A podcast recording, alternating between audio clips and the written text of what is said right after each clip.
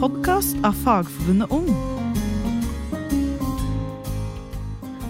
Velkommen til en ny episode med Fagforbundet Ung sin podkast. Du hører på meg, Victoria, leder av Fagforbundet Ung. Og sammen med meg i studio har jeg min flotte nestleder, Jeanette. Hei, hei.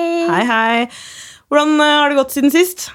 Det har eh, gått ganske greit. Eh, august er jo en ganske travel eh, måned med studiestart og lærlingsstart og Arendal og veldig mye som, som, har skjedd. Og vi er jo godt i gang med høsten nå, da.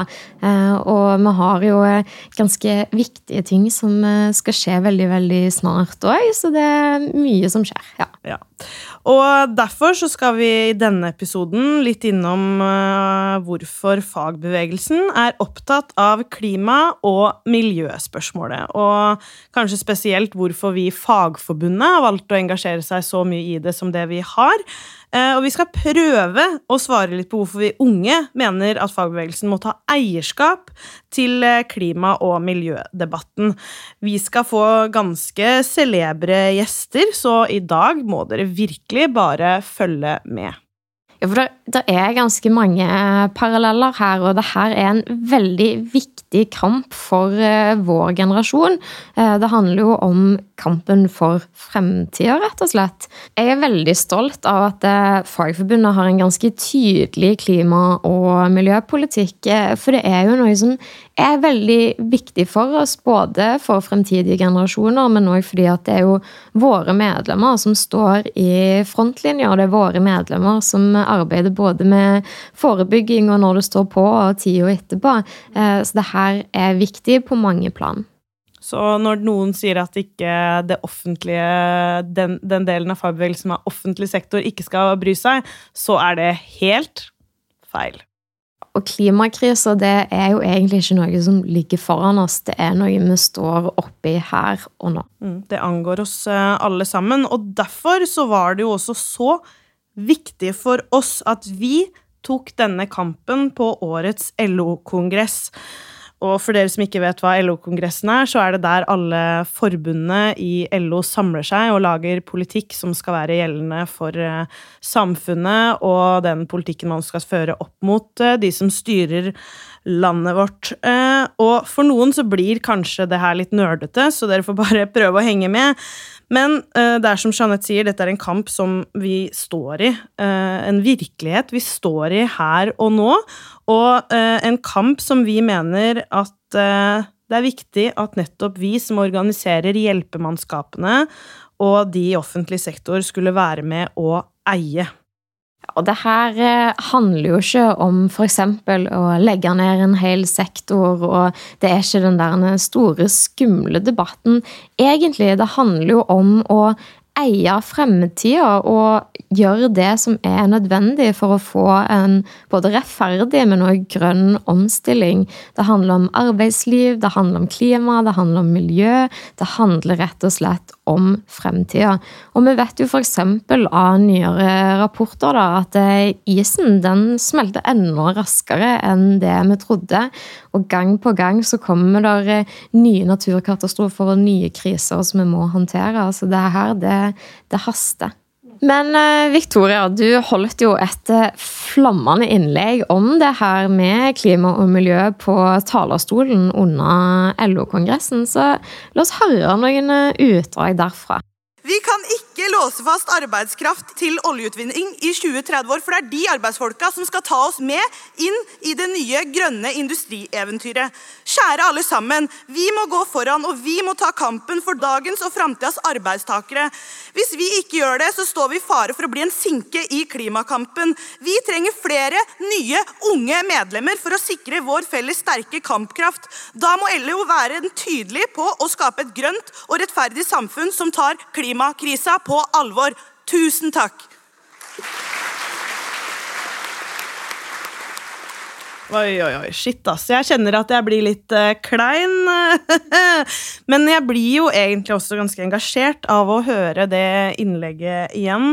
Og jeg husker jo når jeg sto der oppe og ser utover 1000 mennesker, hvor vi kommer fra ulike bransjer. Det sitter olje- og industriarbeidere der som selvfølgelig er opptatt av at dømmes arbeidsplasser ikke skal eh, forsvinne, men at de må bli ivaretatt som arbeidstakere, så føles det kanskje ganske vondt da, å si at altså Man er redd for å bli mistolka i det man gjør, men allikevel så tror jeg det var veldig viktig at uh, jeg sa de tingene jeg sa. da. Ja, altså Dette er jo en kamp du tok eh, på vegne av veldig, veldig mange av oss. Og du fikk jo til og med en liten eh, sjokolademedalje rundt ja. halsen etter innlegget. Så det var jo et, et tegn på takknemligheten vår på at du, du tok den, for det, det var tøft. Ja, nei, det, det, husker jeg varma også veldig mye. Og det gir litt ekstra guts, da. At jeg vet at vi har alle de unge medlemmene, ikke bare i Fagforbundet, hvor vi snart er 50 000 unge medlemmer, men også alle de unge medlemmene i LO som skal ha en framtidig arbeidsplass, uansett hvor de skal jobbe hen, om det er i den nye grønne industrien eller om det er i offentlig sektor. Eh, og jeg tror at det er på tide å hoppe inn i denne vanskelige praten. For eh, vi skal jo ikke prøve å finne ut av disse tingene her helt alene. Vi har et lite, ja, jeg vil kalle det et lite ekspertpanel av unge folk med oss i eh, studio i dag. Det er Alexandra Seljeseth fra AUF og Gina Gylver fra Natur og Ungdom. Velkommen til oss. Takk. Takk for det. Gina, du er jo leder for eh, Natur og Ungdom. Eh, hvem er dere, og hva gjør dere egentlig? Eh, ja, Godt spørsmål. Det kan jeg prate lenge om. Vi er Norges største miljøorganisasjon for unge, med medlemmer mellom 13 og 25 år. og jobber med alt fra å stanse norsk oljeboring til bedre kollektivtilbud på Inderøya, til Um, og sikre ja, en rettferdig grønn omstilling. Vi jobber med oppdrett, vi jobber med landbruk, vi jobber med bærekraftig gruvedrift. Vi jobber med ja, alle mulige forskjellige temaer eh, innen klima og miljø. Så det er nok av problemer å ta tak i, eh, og det er egentlig en, en prioriteringskamp for oss hvert år. Ja, det er mange viktige saker. Eh, men Alexandra, hvorfor er klima og miljø så viktig for eh, AUF? Ja, altså AUF er jo Norges største ungdomsparti. Eh, vi er ungdomspartiet til eh, Arbeiderpartiet, men vi er jo et superbredt lag eh, av masse forskjellige unge folk. Men noe som, som, går igjen hos de aller fleste når vi spør om hva er det viktigste saken for framtida, så svarer de aller fleste klima og miljø.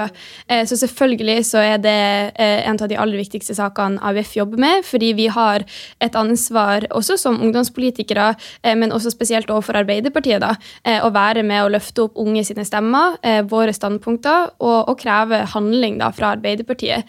Eh, og vi er veldig bevisst på vår rolle også, så spesielt nå når Arbeiderpartiet sitter endelig i regjering, så har vi jo også en mye større mulighet til å være med å påvirke politikken for framtida. Og da må vi også ta på alvor de bekymringene unge i dag sitter med, som jeg tror liksom alle vi i studio her deler ganske mye. Og da er det AUF sin fremste jobb å være med og, og ta den kampen da, og stå i bresjen for det. Og vi har jo vært ute og prata om dette her med at unge folk er Eller ungdommen er mer bekymra for framtida nå enn det de var eh, for bare fem år siden, altså før pandemien. Vi har gjort et ungdomsbarometer, og det skal vi snakke mer om i en annen episode. Men eh, det var ganske slående i det barometeret at det er 35 av alle som har svart, sier at de er mer bekymra for framtida si nå enn det de var i 2017. Det handler ikke bare om pandemi, det handler om alle disse tingene her. Og uh, alt henger jo uh, sammen, og da blir jo jeg litt sånn nysgjerrig, da. Fordi vi snakker om klima, og så snakker vi om miljø. Og så snakker vi om klima- og miljøkampen, og så blir man kanskje litt forvirra for de som kanskje ikke er så pros da, på dette her. Uh, kan kanskje en av dere prøve å forklare hva forskjellen er? Ja, eh, det er mange begreper ute og går eh, i klima- og miljøkampen. Men eh, det er jo litt lettere kanskje å snakke om en klimakrise og en naturkrise. Miljø er et veldig bredt begrep som også inkluderer liksom naturbiten. Da. Så vi har jo en klimakrise fordi vi slipper ut klimagasser. Har gjort det i mange, mange, mange tiår. Og det er olje og sånn? Ja, ikke sant. Eh, men også f.eks. Eh, metan fra landbruket osv. Men det er CO2, særlig da fra fossilindustrien, som, eh, som har forårsaket denne klimakrisen, som gjør at været blir varmere, og ja, det er veldig, veldig mange fæle konsekvenser av det. Og så har vi en naturkrise, som også handler om at vi driver rovdrift på naturen. Det kan være ved å hogge ned skoger, det kan være ved å eh, ha oppdrettsanlegg som ødelegger fjordbunnene, det kan være å overfiske, eh, bygge ned regnskog for å lage soyaplantasjer. Eh, det som egentlig ikke handler om å gjøre været eller klimaet varmere, men som fortsatt er å ødelegge livsgrunnlaget vårt. Da. Og disse to krisene henger jo veldig veldig tett sammen. Um, man setter jo ofte en, en falsk liksom, konflikt mellom naturhensyn og klimahensyn. Um, som er reell i, i, noen saker. F.eks. du kan snakke om vindkraftutbygging. Da. Vi trenger mer fornybar energi, men samtidig så setter opp turbiner i sårbare områder. Um, og ja, hva er det du skal prioritere? Men vi kan ikke løse klimakampen uten også å ivareta naturen. Og vi kan heller ikke løse naturkrisa uten å stabilisere klimaet. Um, så, så, her har vi to enorme kriser som vi rett og slett må klare å løse på en gang. Som er en sinnssykt stor oppgave, og som også krever eh, politisk mot og handlekraft. Eh, mer enn vi noensinne har sett før. Men uh, hva skal til da for at vi skal lykkes? Det er et stort spørsmål. Uh, jeg tror at det viktigste vi trenger nå, det er politikere som tør å peke med hele armen. Og vise oss hvor vi skal. For akkurat nå så er det ganske mange som, ikke, som holder litt igjen, fordi politikere tåkelegger og tåkeprater og er ikke helt tydelige på hvor vi skal, og hva som egentlig kreves. Hele samfunnet vårt skal omstille seg. Uh, vi er på en kurs nå som bare kommer til å kutte noen få prosent av utslippene våre og vi skal halvere dem på under åtte år. Og det har vi altfor få politikere som klarer å si. Og da må vi ha et bredt lag, vi må bygge broer, vi må ha eh, måte, de utradisjonelle og tradisjonelle samarbeidene på plass. Alle må samarbeide. Og så kan vi gå inn i liksom konkrete tiltak, og sånn etter hvert, men jeg tror at det er eh, hovedpremisset for å lykkes. Mm. Men Alexandra, er du enig i det Gina sier her? Ja, absolutt. Og jeg tror eh, en ting som virkelig vi må ta på alvor, er jo unge sin bekymring for framtida. Eh, det er noe politikere er veldig flinke til å nevne i festtaler. Eh, men realiteten er jo at veldig mange av oss er kjempebekymra. Eh, og det er på det nivået hvor jeg kjenner folk som sier vet du hva, jeg, jeg, vet ikke om jeg har lyst til å få barn lenger, fordi jeg vet ikke om jeg har lyst til å, ja, at mine barn skal vokse opp i det samfunnet som vi er på vei i. Eh, og i stor grad så gjelder det klima og miljø men det gjelder også selvfølgelig andre ting. Men det er, det er, ikke lenger en ting vi bare kan snakke om når det passer oss. Og jeg tror at vi, eh, altså Fellesskapet har et kjempestort ansvar, staten har et kjempestort ansvar, og vi, vi er helt avhengig av å ha politikere som faktisk tør å være handlekraftige. Og for oss nå i regjering så er AUF i hvert fall supertydelig på at det hjelper ikke å være litt bedre enn Erna Solberg. Det skal ikke være målet vårt. Eh, målet skal være at vi må, vi må få til en total omdreiing av samfunnet. Eh, vi må over i et eh, fornybarsamfunn, og de, det er ikke enkel politikk å gjennomføre. Det kommer til å være folk som er misfornøyd, det kommer til å være noen som er mot det her.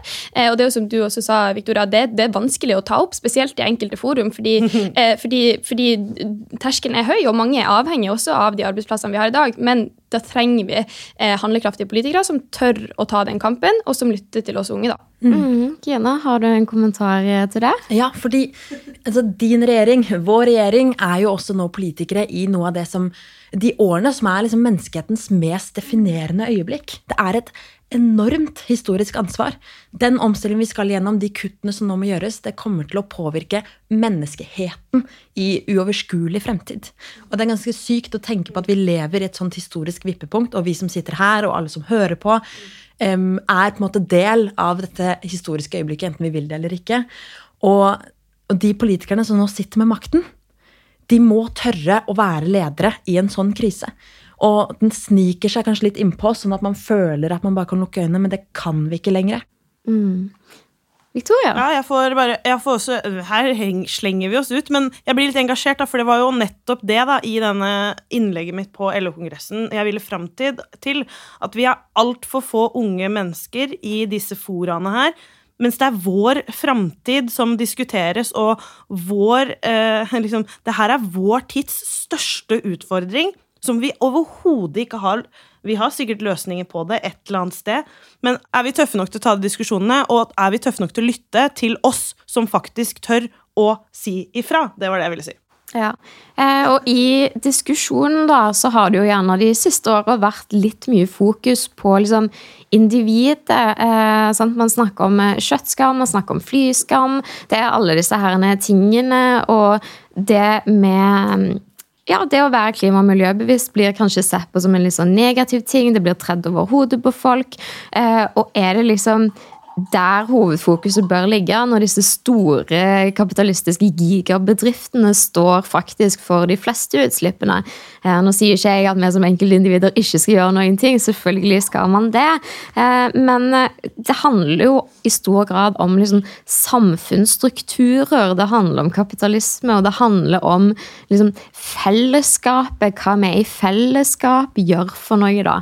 Er det noen av dere som har en liten tanke på det? Jeg kan kanskje begynne med deg, Alexandra. Ja, jeg tror først og fremst det også er viktig når vi snakker om liksom å ta rom i klimadebatten eh, osv., så, så tror jeg det er viktig å tenke på at vi unge det er ikke sånn at vi har bedt om oppgaven eh, om å løse klimakrisa. Det er ingen av oss som ønsker å ende opp i denne situasjonen.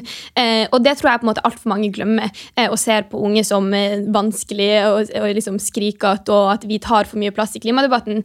Men faktum er jo at vi ser ok, vår framtid avhenger av det her. Vi er i en historisk skjebnetid. og da har den oppgaven havna på våre skuldre. Og jeg tenker at eh, ja, selvfølgelig så eh, handler det i stor grad om liksom, de store selskapene, om fellesskapet. Selvfølgelig gjør det det, men hvem er det som styrer det fellesskapet? Eh, vi er heldige nok til å bo i Norge eh, hvor vi har demokratisk styring, hvor vi kan være med å påvirke eh, avgjørelsene som skjer i norsk politikk, og da må vi også ta det ansvaret på alvor. Eh, og jeg mener at man, man, kan ikke sitte og si at man er opptatt av klima og miljø og stemme på f.eks. partier som, som, åpenbart ikke driver politikk for framtida når det kommer til de sakene. Og det mener jeg er et ansvar vi har som fellesskap. Eh, og selvfølgelig så er det jo også enkeltting vi kan gjøre som individer, men det handler jo om den store retninga. Eh, og hvis man skal klare å få til en reell endring, så må folk være med på det.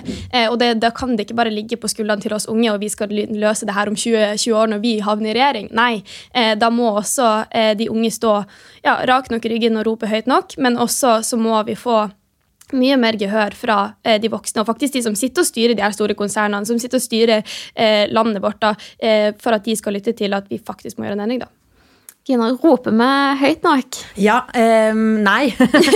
um, vi står jo overfor en problemstilling nå som demokratiet tidligere ikke har møtt.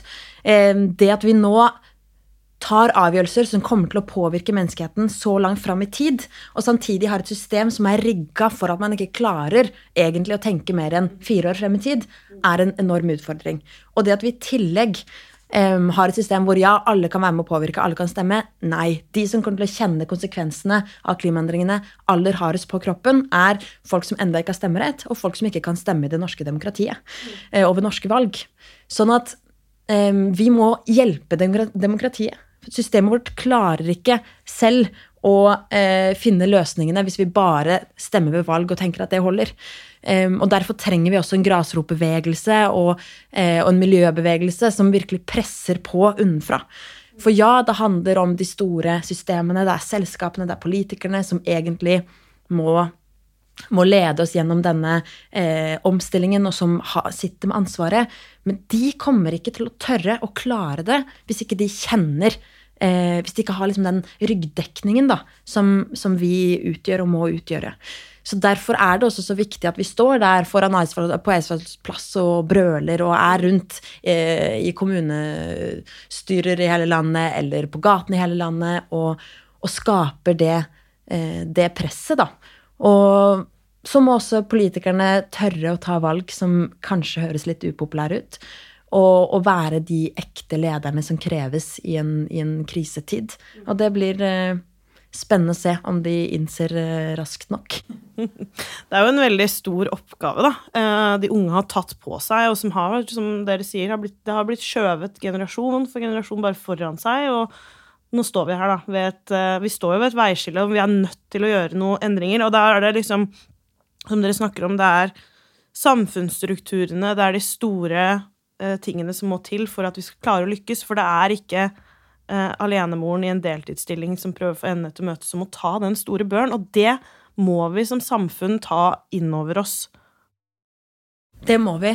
Men samtidig så er det også viktig Vi må ikke zoome for langt ut og gjøre oss selv ubetydelige. Nei, for alle må være med å Og påvirke. det, ja, for det er faren i klimakampen. Og jeg møter jo mange når jeg sier at eh, nei, jeg flyr ikke på ferie, f.eks. Det, det er et tydelig, viktig prinsipp for meg. Og så skal de begynne sånn Ja, men vet du hvor mange Altså, hvor store utslipp er det fra din ene flytur, og øh, flyreisen på internasjonal basis står bare for så og så mange prosent. ikke sant? Og begynne sånn å zoome så langt ut at mine grep og tiltak til slutt ikke spiller noen rolle. Og det, det er er også farlig, for det, det gjør det. ikke sant? Og denne klimakrisen er jo også eh, altså Vi er en del av det, og særlig når vi bor i Norge og har et forbruk som gjennomsnittlig tilsvarer eh, at vi skulle ha 3,6 jordkloder. Um, og så er det åpenbart at noen i Norge har veldig mye mer ansvar enn andre. Og um, noen skal ta mer ansvar. Men ja, vi må heller ikke bare legge ansvaret over på andre eller eh, zoome så langt ut at vi ikke lenger har noe å si selv. Mm, Hva tenker du, eh, Alexander? Ja, og jeg tenker også at eh, litt som det ble åpna med også i, i denne episoden her, og ble sagt at liksom klima og miljø ofte blir sett på som et kanskje litt nerd eller vanskelig tema, det er også en kjempeutfordring i klimakampen. da, eh, Fordi det er altfor mange som kanskje ikke tør å engasjere seg heller, og så føler at liksom, min stemme er kanskje ikke betydelig nok til å være med og, og engasjere seg. og Åpenbart så kan man gjøre enkelttiltak også som enkeltperson, men også det å være med i en bevegelse, om det er NU, eller om det er AUF, eller om det er å være eh, tillitsvalgt i LO og dra på kongressen og stemme for gode tiltak. Men, men man må heller ikke tenke at eh, det er ikke rom for min stemme i klimadebatten, fordi det er kjempeproblematisk. Og vi merker det at engasjementet for klima er kjempestort blant unge, men det er veldig få som tør å faktisk gå inn i den diskusjonen fordi man føler at det blir for teknisk, og det er alltid noen som kan mer enn deg, eh, og gjerne kanskje de på den andre sida. Eh, og de barrierene må vi også på en måte som unge tillitsvalgte i våre organisasjoner eh, jobbe for å da bryte ned. fordi hvis vi ender opp i en situasjon hvor du skal kunne alle tall inn og ut for å kunne diskutere klima og miljø, så er vi også med på å måte ødelegge den debatten. Eh, det viktigste her er at vi snakker om framtida vår, og at det handler om at det må skje en handling nå. Eh, og hvis vi ikke klarer å få til det, så, så er det over og ut, rett og slett. Og det, det må være nok for at unge skal få lov til å engasjere seg i den debatten også, eh, i alle organisasjoner. Og det er det også vi må jobbe for, og vi har ansvar for. Jeg får bare lyst til å skyte inn veldig raskt at uh, du var innom det i stad, Gina, men dette med Det handler ikke bare om liksom at vi må begrense eller endre eller gjøre disse tingene, men vi trenger også mer kollektivtransport. Vi trenger å gjøre ting som faktisk gjør at enkeltindividene er i stand til å være med å påvirke. Fagforbundet har jo eh, over 400 000 eh, medlemmer, og mange av disse blir jo stående i frontlinja. Man har de som jobber i offentlig sektor, man har brann, man har redning, helsepersonell, kriseteam, avfalls- og renovasjon. Altså, dette her er kjempeviktig for medlemmene våre, og det blir en viktig sak. Eh, Og så er jo liksom det store spørsmålet med som arbeidstagerorganisasjon hvor mye kan vi egentlig få til alene? Eh, og da er det jo det å søke samarbeid. Eh, og nå er vi jo tre organisasjoner eh, her, da, og det store spørsmålet blir jo egentlig liksom hvordan kan vi samarbeide da, for å få til disse tingene, få til den holdningsendringen og påvirke politikerne i den retningen? Jeg kan begynne med deg, Gina. Ja, eh, Godt spørsmål, som jeg også bruker mye tid på å grunne, grunne på. Um, og noe av det viktigste jeg tror vi kan gjøre nå, er jo nettopp å synliggjøre samarbeid mellom fagbevegelse og miljøbevegelse. Og også være med og fronte et felles narrativ. For jeg er så lei av at man alltid har en konfliktlinje som er klima og miljø på den ene siden og arbeidsplasser på den andre. Og det er like mye en kritikk til oss i miljøbevegelsen, som har vært dårlig på eh, kommunikasjon og på å vise forståelse for folk, folks bekymringer. Men, men også at vi har mektige lobbyer som tjener på å eh, bygge opp en sånn konfliktlinje. Um, og der må vi være tydelige på at klimakamp er også en kamp for arbeiderrettigheter. En kamp for eh, trygge, sikre arbeidsplasser, forutsigbarhet i norsk arbeidsliv. Um, og at vi snakker ofte om bare litt forskjellige tidsperspektiver. Når vi er i f.eks. en konflikt om, eh, om en gruve, og så er det gruveselskap som har lyst til å bygge, og så sier vi nei. Og så får vi høre at vi sier alltid nei, vi er alltid mot arbeidsplasser. Men dette er en gruve som kan gi arbeidsplasser i 25 år. Og så er det alle de som bor rundt fjorden, eksempel, som kommer til å miste livsgrunnlaget av arbeidsplassene sine, som kunne vart i 100 og 200 år. Um, og det samme med klima og olje, eksempel. Eller bare Klima- og naturkrisen vil påvirke alle i hele landet, i alle sektorer. Og vi er nødt til å liksom bygge en felles front der vi viser at dette her er ikke oss mot dere som sitter rundt bordet her. Um, her må vi løfte sammen, og vi må stå sammen, og vi må sammen klare å flytte disse store kreftene på Stortinget, som særlig for oss er det viktig å flytte Arbeiderpartiet. Det er liksom den store klossen som nå, som nå trenger å være med og føre oss i riktig retning, og for øyeblikket er en bremse. En stor, en stor sinke. Eh, men kan bli viktig å ha mange gode krefter, og AUF er jo gull verdt og har alltid vært det. Eh, men der har vi en liten jobb å gjøre. Hva tenker du, Alexandra? Ja, jeg er veldig enig i mye av det som har blitt sagt. Og jeg tror egentlig at eh, et av de viktigste poengene vi må ha med oss, er at jeg tror ikke vi klarer denne omstillinga hvis ikke vi har med oss liksom fagbevegelsen på laget heller. Eh, fordi vi er så avhengig av at alle de folkene som er ute og jobber, og som har eh, tillitsverv rundt omkring, er med på å fronte denne kampen. Fordi det er ikke en kamp som vi unge klarer å bære alene. Vi kan rope høyt, vi, og vi kan, vi kan pushe på, men når det kommer til saken, så er vi avhengig avhengig av at vi er et bredere lag. Og tro du meg, den eh, andre sida som jobber for mer olje, og som jobber for alle her tingene, de, de, er godt organisert. Og de har en god lobby som jobber for dem. Og da må vi også eh, bygge et lag som klarer å ha akkurat som Gideon sier, en felles historiefortelling, eh, og som er enige om hva utfordringen for framtida er.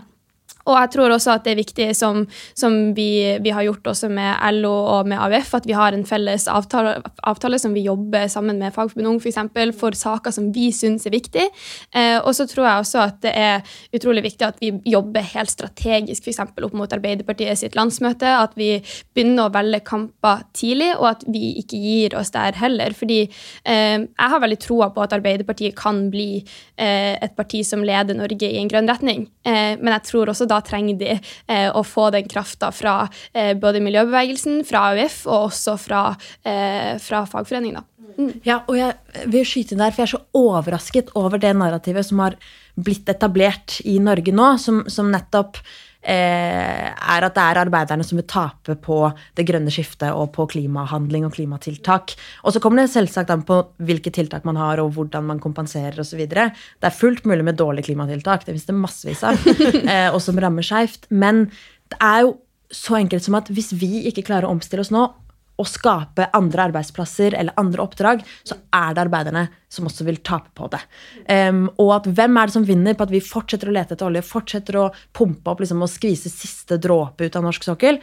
Det er oljeinvestorer som bare kan flytte pengene sine på eh, et øyeblikk eh, straks etterspørselen etter norsk olje eh, faller, eller eh, vi faktisk prøver å nå de klimamålene vi har eh, satt oss. Og hvem er det som står igjen da uten oppdrag og uten arbeidsplass? Jo, det er de som som jobber på gulvet, på en måte. Så det, den historiefordelinga må vi virkelig klare å motarbeide, og det gjelder i mange sektorer og yrker. Jeg må bare skyte inn der også, akkurat når det kommer til liksom, arbeidere. Altså fordi vi, vi, er jo veldig akkurat som du sier, å sette opp måte, arbeiderne versus klima, klimaspørsmålene. og Det tror jeg også er så feil, bare hvis man ser for på, på oljebransjen i dag og med liksom, oljeskattepakker og sånne ting. Vi satser altfor hardt på en bransje som vi vet ikke er fornybar, som vi vet ikke kommer til å ha en framtid. Eh, altså, om det er om, 10 år vi avvikler den, eller om 50 år, så uansett så vet vi at det er en sluttdato. Og med at vi går så hardt inn i oljebransjen og satser og fortsatt legger så mye penger i det, gjør jo at vi tar penger fra det som kunne ha vært nye fornybare grønne arbeidsplasser. Det kunne ha vært nye linjer på skoler som fokuserer på akkurat det her. Det kunne ha vært prioriteringer som hadde vært mye mer langsiktige. Og det er de konfliktlinjene jeg heller mener at vi burde snakke mer om. Hva er det vi egentlig bruker pengene på? når vi putte mer penger inn i oljebransjen, hva går det på bekostning av? Jo, det går på bekostning av grønne løsninger for framtida eh, og nye arbeidsplasser som vi kunne ha vært med og fronta og, og, og, fått opp, men det er det man velger vekk når man velger å putte mer penger i oljeindustrien. Mm. Og da er det jo ikke bare eh, penger, det er jo også hoder. ikke sant? En eh, ingeniør har 24 timer i døgnet. De kan brukes på eh, å bygge oljeplattform eller bygge på en måte, fornybar energi og grønne løsninger. Eh, og det ser vi jo nå også at oljesektoren suger til seg. Eh, ressurser og kapital og alt mulig, sånn at vi faller bakpå, mens resten av våre naboland for eksempel, er kjempeprogressive og er med på å liksom, utvikle fremtidens løsninger, så henger vi igjen som en sånn ja, ordentlig sånn kramperuss som holder tak i oljeindustrien og nekter å gi slipp, mens, eh, mens resten eh, ja, er gode på move on. Vi, og det her er jo nettopp den problemstillingen, da, eller disse tingene. Vi ønska å løfte også på årets eh, LO-kongress, og det blei diskusjon. Det tror jeg ikke vi skal Vi skal ikke late som at det ikke ble det. Eh, og ja, vi står nok eh, noen Ikke mil, men vi står, vi står litt unna hverandre, og, men jeg tror allikevel på at vi jeg er veldig stolt av det vedtaket som kom ut av LO-kongressen. Jeg vil jo tro at miljøbevegelsen og Grønn Ungdom og Greenpeace og de ville gjerne at vi skulle vært enda tøffere. Men for en del av forbundene i LO så var det her å gå uh, milevis av skritt, da, og vi i hvert fall i Fagforbundet var ekstremt stolte av det som kom fram der, da. Uh, så vi kan jo dra noen og så tenker jeg vi skal gå litt over til neste, for vi kan dra noen paralleller. I fagbevegelsen så streiker vi jo om vi ikke kommer i mål med forhandlinger. Og det syns jeg da i hvert fall uh, er ganske kult at også ungdommen liksom har begynt med. Uh, og det er jo noe man har holdt på med litt med en, faktisk en del år nå. Men man markerer altså at vi ikke har kommet langt nok, verken på klima eller uh, eh, miljøspørsmålet, da, eller naturspørsmålet. Jeg er litt usikker etter i stad hva man faktisk skal kalle det. Men ungdommen, klimastreiker! Det er altså så utrolig kult. Og da lurer jeg på, eh, Gina, hvorfor tror du at eh, streik har blitt et så viktig virkemiddel for unge folk? Mm. Um, jeg tror på den ene side handler det om streikens historie. Det at eh, den har vært sentral i, å, i liksom en rettighetskamp i så mange år og fått så mange gjennomslag. Det er noe som virker. Så er det jo også et, et eh, virkemiddel for uh, på en måte de maktesløse, eller på en måte folk, uh, de som ikke sitter på toppen. Uh, og det er jo sånn unge føler seg i klimakampen. man har ikke, som regel ikke stemmerett, ikke jobb, ikke penger, ingen offisiell makt i det hele tatt. Så hvilke virkemidler er det man da har igjen? Og så Det er, det er seg, seg, selv. Um, og så har det jo på en måte ikke den samme effekten når um, Ting stopper ikke opp på den samme måten når folk går ut av klasserommene som når folk eh, går ut av, fra arbeidsplassen sin. Um, og det viser igjen hvordan ikke, unge folk ikke kan påvirke på samme måten eh, fordi vi er de vi er. Men de resultatene det fikk, de debattene man satte i gang, de massene man klarte å samle, var jo helt eksepsjonelle. Eh, og utrolig, utrolig kult å se. Fagforbundet Ung har også støtta klimastreik, og vi har vært ute og vært aktive der. Det har også AUF, og dere er jo også med på denne klimastreiken når det er eh, streik, eh, klimastreik. Og dere har støtta godt opp under det. Hva er det som har vært viktig for AUF i det? Ja, jeg tror på en måte også Når man ser på hva er grunnen til at folk streiker, så er det jo fordi man er i egentlig en desperat situasjon. Det, man har prøvd og prøvd og prøvd å komme til en enighet. Prøvd å, å få, få, de ulike partene til å lytte og klare å diskutere. Man får ikke det til. Da er det brudd i forhandlingene gjerne i arbeidslivet, da, og da, da, kan det lede til streik. Og det er akkurat det som har skjedd egentlig også med alle de unge som har vært ute og streika. Man har prøvd å komme igjennom, man har prøvd å eh, gå både gjennom ungdomspartiet tida. Man har prøvd å engasjere seg sikkert i NU, man har prøvd å eh, skrive leserinnlegg og gjøre alt mulig rart og snakke med politikere. Eh, heve stemmen. Det har ikke funka. Så til slutt så tenkte de unge vet du hva, nå må vi faktisk eh, samle våre krefter og, og, og kreve at det skjer en handling. Og, og det syns jeg er utrolig rått at man har fått til, og at det ikke var liksom én uke der pågikk. Det pågikk jo for alltid. Det skjer fortsatt. Det er utrolig kult. Og fra AUF så har det vært kjempeviktig å støtte opp mot det, fordi vi tror også på denne type aksjonisme. Noen tror, tror at aksjonisme fungerer ikke, og at det fungerer ikke å stå utfor et sted og rope eller ikke møte opp på skolen og heller dra på en klimastreik. Jo, det gjør det. Det ser man helt tydelig. Man har klart å vri debatten i Norge til at klima nå er et av de temaene som alltid blir diskutert eh, når det kommer til valgkamp, f.eks., når det kommer til eh, statsbudsjett. Altså, det har skjedd en endring. Eh, men det er som Gina sier, vi har ikke samme måten å påvirke på. Og da burde også, mener jeg, altså, de voksne og politikere gå i seg sjøl og tenke ok, men når unge er så desperate at man er villig til å liksom, droppe å gå på skolen og stå ute og streike, eh, for å få gjennom det vi ønsker, så burde kanskje vi gå litt i oss sjøl også og se hvordan kan vi lytte mer til unge. Hvordan kan vi gi dem flere muligheter til å være med å påvirke. Eh, fordi akkurat nå så, så har det liksom vært siste løsninga for de unge. Eh, og det syns jeg er veldig urettferdig, eh, men jeg syns samtidig det er veldig kult at man har klart å på en måte samle de kreftene, og jeg håper at det er noe man også klarer å liksom videreføre eh, fra liksom de streikene, men også til ny politikkutvikling. Fortsette å være med å presse, og så håper jeg at liksom veldig mange av de unge som har vært ute og streika, også ønsker å engasjere seg videre i ulike organisasjoner, da, som rent strategisk også jobber opp mot politikere. Om det er NU, eller om det er AUF, eller om det er Grønn Ungdom, det får være deres valg. Men å også liksom bruke det engasjementet til noe som kan utrette noe politisk. Mm. Apropos det her med statsbudsjett og politikere og det å oppnå noe politisk, så har vi jo vært litt innom eh, Arbeiderpartiet, da, og jeg må jo nesten bare spørre, da, mener dere i AUF at eh, regjeringa gjør nok på dette området? Altså, selvfølgelig, Vi skal jo representere de unge, og svaret da er jo selvfølgelig Vi er jo ikke i mål, så derfor har vi jo ikke gjort eh, nok. Og jeg mener at eh, det er Arbeiderpartiet sin oppgave å lede oss inn i den grønne framtida og klare å omstille økonomien, klare å omstille samfunnet. Hvis ikke vi har klart å gjøre det, så har vi ikke kommet i mål. Da har vi ikke gjort nok. Eh, jeg mener at det har blitt gjort mye bra. Man har begynt å starte på liksom stor havvindsatsing, man har begynt å liksom øke CO2-avgifter. Man har starta på mange ting som kan ende opp noe godt. Men problemet er at tempoet er for sakte. Eh, og nå, nå, står vi i en vanskelig situasjon i Europa. Det er krig, det er mange andre ting som også foregår. Mange kriser. Men da er det viktig at vi ikke liksom lose the eye on the price, at vi ikke mister fokus. Fordi vi har ikke ti år på å løse denne krisa. Eh, den skulle egentlig ha vært løst i går. Og da er det også eh, Arbeiderpartiet som nå styrer landet sitt hovedansvar å være med eh, og, og være pådriver for dette. Og da skal på en måte ikke det være et alternativ, mener jeg, at når Arbeiderpartiet er ferdig i regjering, at de har blitt sett på som en bremsekloss for eh, klimaendringen. Eh, og hvis AUF da nå må bruke noen år for å pushe ekstra på for at vi skal klare å komme i mål, så er vi i hvert fall veldig klar for å ta den jobben. Eh, og vi er veldig glad for at Arbeiderpartiet lytter til oss, men jeg mener jo selvfølgelig som en liksom, god AUF-er at Arbeiderpartiet gjerne kunne ha lytta mye mer enn det de gjør. Mm. Sånn må det være. ja, og dette her med tempoet er for sakte. Gina, hvor, hvor skal vi være om 10-20 år? Et helt, helt annet sted. Det er jo problemet. Vi trenger ikke snakke om 20 år, vi kan bare snakke om 10 år. Om 10 år, eh, i 2032, da skal vi ha halvert utslippene våre. Mer enn halvert dem i Norge. Um, og nå er vi ikke i nærheten. Ikke det kommer rapport på rapport på rapport også internasjonalt som peker på at Norge har nå helt feil retning, helt feil kurs. Eh, og så blir politikerne stilt til veggs med disse spørsmålene, og så er det bare liksom, tåkeprat å få. Eh, og, jeg, og, jeg, ser på disse intervjuene gang på gang og blir helt sånn Jeg blir bare så satt ut av at det er mulig å bli konfrontert med disse tallene, og så eh, virkelig bare si at ja, men vi skal jo nå disse klimamålene, og dette går bra.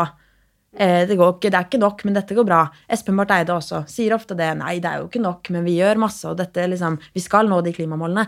Jeg ser ikke at vi kommer til å nå dem hvis ikke en radikal kursendring skjer i denne regjeringen. For det er disse årene vi også må komme oss på riktig kurs. Um, så nei, jeg er jo foreløpig veldig, veldig skuffa.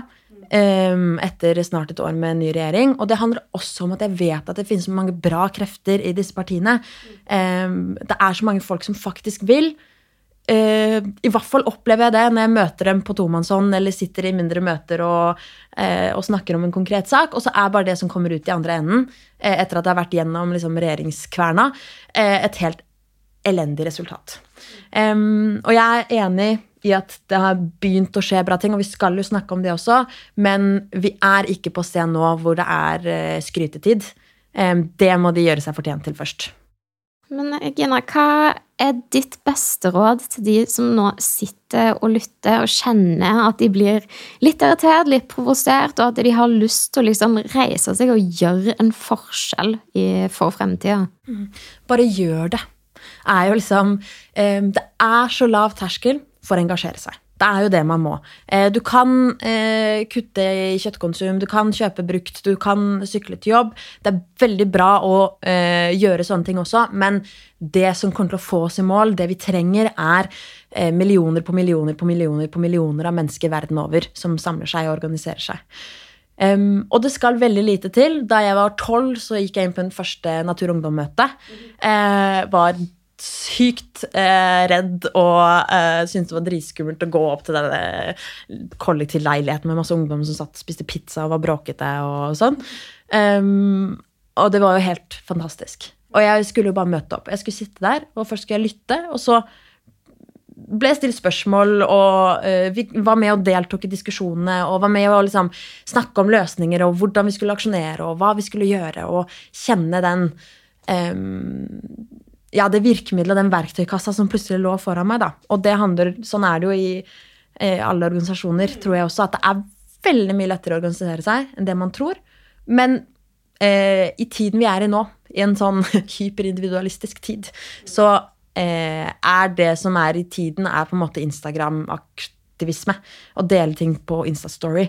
Ikke å dra på organisasjonsmøter, men det er aktivisme. Eh, og det er å, å, organisere seg og bidra. Det er jo også å bli med i disse organisasjonene, møte opp på demoer, være med på møter. Eh, og det er det som virker. Ja, um, absolutt. Uh, og jeg tenker liksom, Hvis vi først liksom ser på det perspektivet på hvor vi ønsker å være om 10-20 år, så, så, er det jo ingen tvil om at både jeg ønsker, men det jeg også ser som den eneste løsninga, er jo at vi klarer å liksom omstille økonomien vår på en helt eh, radikal måte fra det vi har i dag. Vi må over i et nullutslippssamfunn, og vi må over liksom, på sirkulær økonomi eh, som, som, faktisk er bærekraftig for framtida. Um, og når det kommer til liksom, hvordan man skal gjøre det, og, og den aksjonismen og engasjere seg som, som, er så utrolig viktig, så er det jo som det ble åpna med i denne episoden her, å si hvor mange unge det var på LO-kongressen. Eh, jeg ble sjokkert sjøl altså hvor latterlig lavt det tallet var. Eh, og da ser man jo også at det faktisk nytter seg å engasjere. For hvis du kan være én til ung person person på det møtet, så har det faktisk noe å si.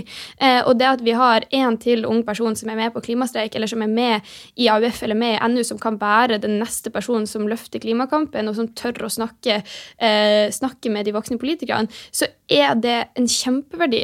Og det nytter ikke bare å dele ting på Instagram og si ja, jeg er helt enig at det er så trist at koalaen eh, brenner i Australia, liksom. Det, det, det, er ikke nok. Eh, og jeg føler at folk må ha det litt på samvittigheten også, fordi det er vår framtid det handler om, og det er framtida til, til ungene våre. Og hvis man faktisk har lyst til å gjøre noe, eh, så, så, må man også være med å på en måte, ta den byrden. da. Eh, og selvfølgelig så kan man ikke forvente av alle at de skal være superengasjerte og bli liksom leder i Natur og Ungdom, men alle kan gjøre litt. Eh, og det tror jeg også er det man må ta med seg videre, og bare vite at liksom, all den innsatsen du kan være villig til å legge ned, uansett hvordan organisasjon eller stedet er, så blir det satt pris på, og det har noe å si.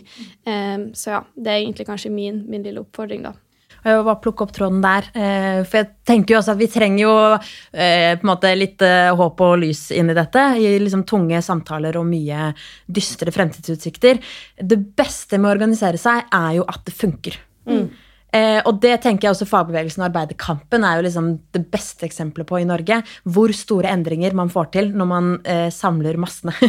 eh, og blir med på de møtene, og så tror man at det har så lite å si at du er der, men det er jo nettopp det at du er der, og du er der, og du er der, som gjør at vi, at vi får en sånn bevegelse. Eh, og vi får masse gjennomslag. Vi vinner jo saker. Det er ikke noe oljeboring i Lofoten, Vesterålen og Senja. Og det er fordi vi har en sånn bevegelse og har hatt et samarbeid blant ja, de bevegelsene som er representert her, mm. og, og også veldig, veldig veldig mange andre. Eh, og det er flust av eksempler på saker vi har vunnet, og fremskritt vi har klart å, å sørge for. Da. Så eh, det funker. Um, og jeg tror at vi også kommer til å vinne mange saker fremover og kommer til å klare å kutte utslipp. Og så er spørsmålet hvor fort, hvor mye. Men, men det er mulig, og dette er måten å gjøre det på. Så det hjelper ikke å sitte og bli klimadeprimert. Da må man komme seg ut og gjøre noe med det. Ikke og det, det, tror jeg er det aller viktigste, at man føler på det ansvaret. Kjenner du på klimaangst, så må du bare rett og slett engasjere deg, dra på møter, og kanskje du er den tiende personen på LO-kongressen neste gang som er under 30 år. Det bør vi få til.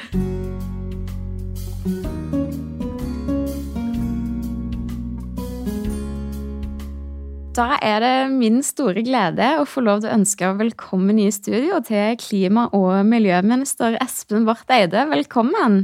Tusen takk, det er veldig fint å være her. Mm. Du, det er veldig kult at du stiller opp i studio hos eh, oss her nå. Og vi skal jo prøve å utfordre deg litt med noen spørsmål. Og ikke minst så skal vi òg få noen svar. Eh, og så har vi også i tillegg fått noen spørsmål fra AUF og Natur og Ungdom, som òg har vært eh, gjester i denne episoden. Så da kan vi vel egentlig bare sette i gang. Jeg er klar. Yes. Eh, første spørsmål er rett og slett hva er og hva gjør egentlig en klima- og miljøminister? Altså En klima- og miljøminister jobber jo både med uh, regjeringens klimapolitikk, som navnet sier, men også med det som vi tradisjonelt kalte miljøvern, altså ta vare på naturen og det ytre miljø. Uh, og disse to tingene henger jo veldig nøye sammen, fordi nå lever vi i en tid preget av en klimakrise. Det tror jeg de fleste har fått med seg. Vi varmer opp kloden uh, altfor fort og altfor dramatisk, og det må vi etter hvert slutte med. Men vi har også en naturkrise, fordi vi, vi, vi mister biologisk mangfold, og etter hvert mister vi veldig mye av de naturtjenestene som vi er avhengige av for å leve. Vi prøver altså å ha fokus på begge de to. Og i Hurdalsplattformen som styrer alt regjeringen driver med, så står det at klima og natur skal være en ramme rundt all politikk. Så det er liksom et ansvar jeg har. Det som er nytt da med denne regjeringen, er at uh, jeg har også fått et sånn tverrgående ansvar.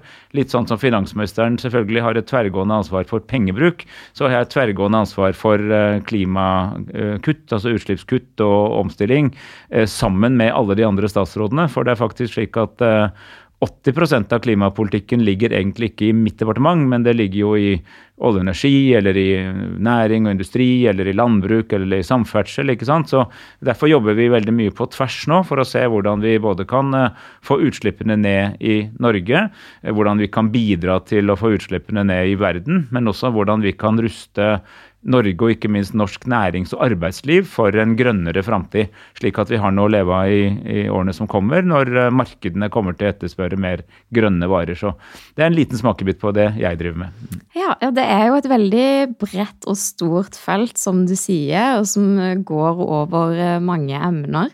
Men hvorfor er det så viktig at folk bryr seg om klima og miljø?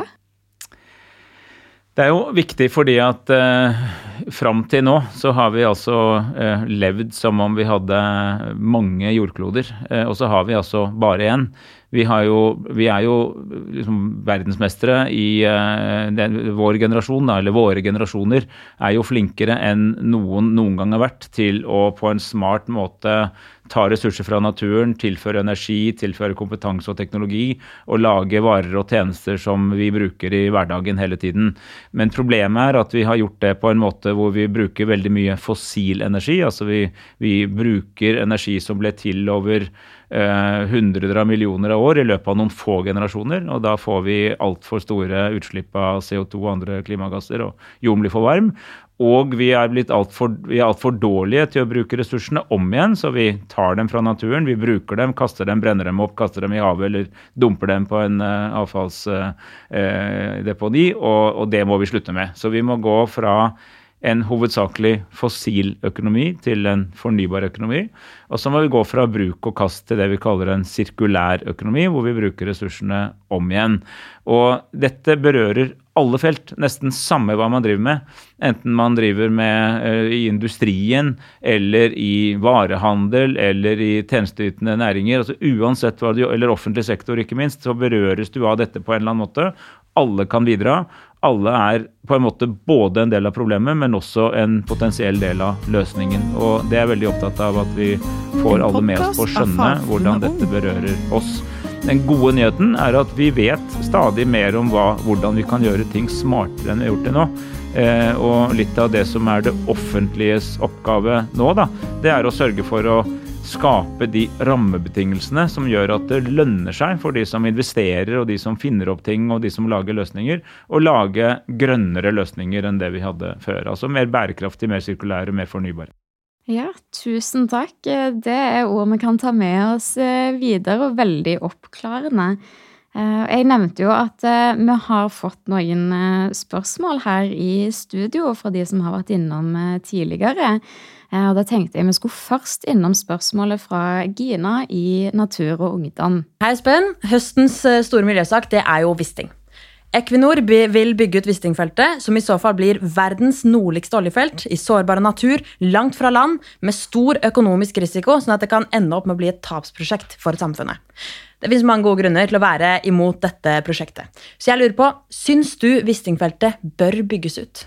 Det spørsmålet som Gina Gylver stiller her, er uh, veldig viktig. Og svaret på det har vi ikke ennå. Fordi uh, nå er det slik at Equinor skal uh, komme med en konsekvensutredning de selv har gjort, men som skal altså bli godkjent opp mot ganske krevende standarder fra myndighetenes side. Og da må de både gjøre rede for hvordan de tar hensyn til de særlig sårbare forholdene som er i dette området oppe i Barentshavet. Men også hvordan de har regnet på det vi kaller økonomisk klimarisiko. Altså hvordan de har regnet uh, mulig inntjening eller tap i forhold til uh, en verden som i stadig større grad prøver å nå klimamålene. Og Her er jo kravene blitt strengere i denne regjeringen. Ikke minst det at man skal ha minst et scenario som legger til grunn at verden når 1,5-gradersmålene. Så først når vi har sett hvordan de har besvart den oppgaven, så vil vi jo ta en beslutning om hvis ting skal utbygges. Så det er altså ikke slik at det er bestemt på forhånd. Og det er jo nettopp de spørsmålene hun stiller som da vil være viktige i, eh, i, eh, når vi skal svare på det. Og så har jeg lyst til å minne om at Wisting er også et oljefelt. Nå er det veldig mange som med rette påpeker at vi er i en periode hvor eh, Europa trenger all den gassen den kan få fra oss for å erstatte russisk gass. Men altså, det gjelder jo ikke Wisting, for det er olje, og det er langt fra eksisterende infrastruktur. Eh, og, og, det er ikke egentlig en mangel på olje i verden. Så det er klart at det er en litt annen vurdering rundt et oljefelt enn det som vil være et gassfelt. Så dette blir en spennende og viktig diskusjon, og, og svaret er åpent. Jeg syns det er et godt spørsmål, og svaret kommer når det kommer. Vi har jo òg fått en eh, aldri så liten utfordring fra Alexandra i AUF. La oss høre den. Ja, eh, jeg vil gjerne utfordre Espen på å nevne tre konkrete tiltak som han kan love at regjeringa skal gjennomføre det neste året, som vil bidra til å kutte utslipp og nå klimamålene man har satt seg i regjering. Oh ja, jeg skulle gjerne nevne, nevne, mange flere enn tre. For det kommer altså en lang liste nå snart når statsbudsjettet legges fram med mange flere enn tre ting. Men la meg oppsummere noen, da. Det ene er jo at vi skal fortsette å øke karbonprisen, slik at det blir stadig dyrere å slippe ut. Det skal vi gjøre med noen jevn vekst, og det opp mot 2000 kroner. Det gjør at alternativene eh, til fossile eh, løsninger blir stadig billigere relativt til fossilprisen. Altså stadig dyrere å slippe ut. Det andre er at vi skal eh, nå komme med en lang rekke eh, tilleggsvirkemidler som vi presenterer i noe som heter klimastatus og plan, som kommer samme dagen som statsbudsjettet, altså 6.10.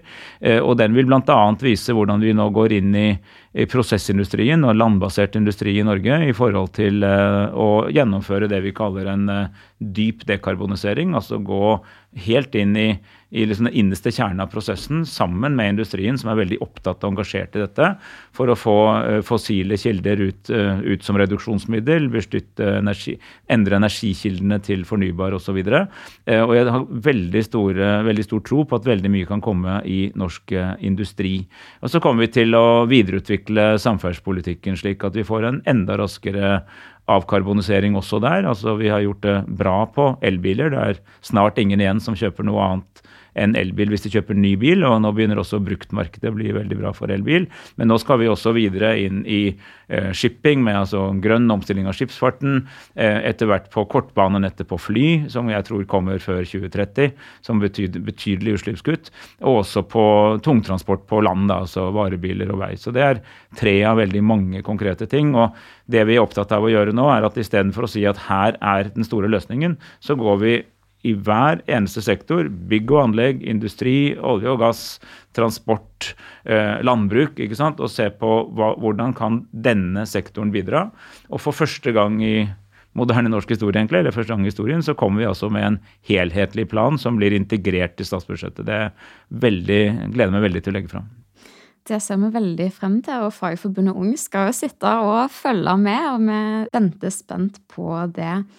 Eh, og sånn, helt avslutningsvis, har du noen gode råd til unge lyttere som eh, hører denne episoden, og som kjenner at de har lyst til å gjøre noe litt eh, ekstra for klimaet? Ja, det tror jeg har. Altså for det første er jeg jo veldig glad for at uh, unge mennesker uh, nesten i alle leirer nå engasjerer seg for klima og natur. Jeg har lyst til å alltid nevne klima og natur i sammenheng, fordi de to tingene henger sammen. Sånn politisk, ikke sant. At man pusher på i fagbevegelsen, i, i partier man måtte være med i og sånn på dette. Uh, våre ungdommer i AUF er veldig engasjerte, hører fra dem hver dag, men det gjelder jo mange andre også. og Det er veldig bra. Men så har jeg også lyst til å si at når man egentlig leter etter hva man skal gjøre med livet sitt, så er det jo også sånn at det er massevis av spennende jobber. Det kan være i offentlig forvaltning, det kan være i industri, i næringsliv, det kan være i, i, i, i transportbransjen. Det kan, være, det, kan være, i alle bransjer hvor det nå er behov for folk som eh, har lyst til å være med å implementere de nye løsningene. Fordi det er ikke lenger noen tvil om vi om vi kommer til å gå i en grønnere retning. Det er jeg helt sikker på. Eh, det, det er jo mer og mer sånn at eh, Eh, fornybar energi er i ferd med å bli billigere enn fossil, f.eks. De nye løsningene er bedre enn de gamle. Poenget er at vi må få dem fortere fram. Og da kreves det liksom evne til samhandling og samtenkning. Så jeg tror at eh, hvis jeg var ung i dag, så ville jeg også tenke på hvordan kan jeg gjøre noe gøy i min egen Eh, jobbkarriere, men som også eh, gjør noe nytte for seg i klimaet. Det er veldig mange ulike svar på det, uavhengig av interesse. Men jeg tror i nesten hver eneste bransje så er det noen gode svar på det. Så det vil jeg ta med meg. Så etter at man har gått i demo for eh, liksom, skolestreik, så kan man finne ut hva man kan gjøre i praksis for å bidra. Veldig godt råd, og det håper jeg at du som lytter på, tar med deg videre. Tusen takk for at du har vært med oss her i dag. Og tusen takk for at vi har fått tatt eh, praten om klima og miljø. Tusen takk for at vi var med.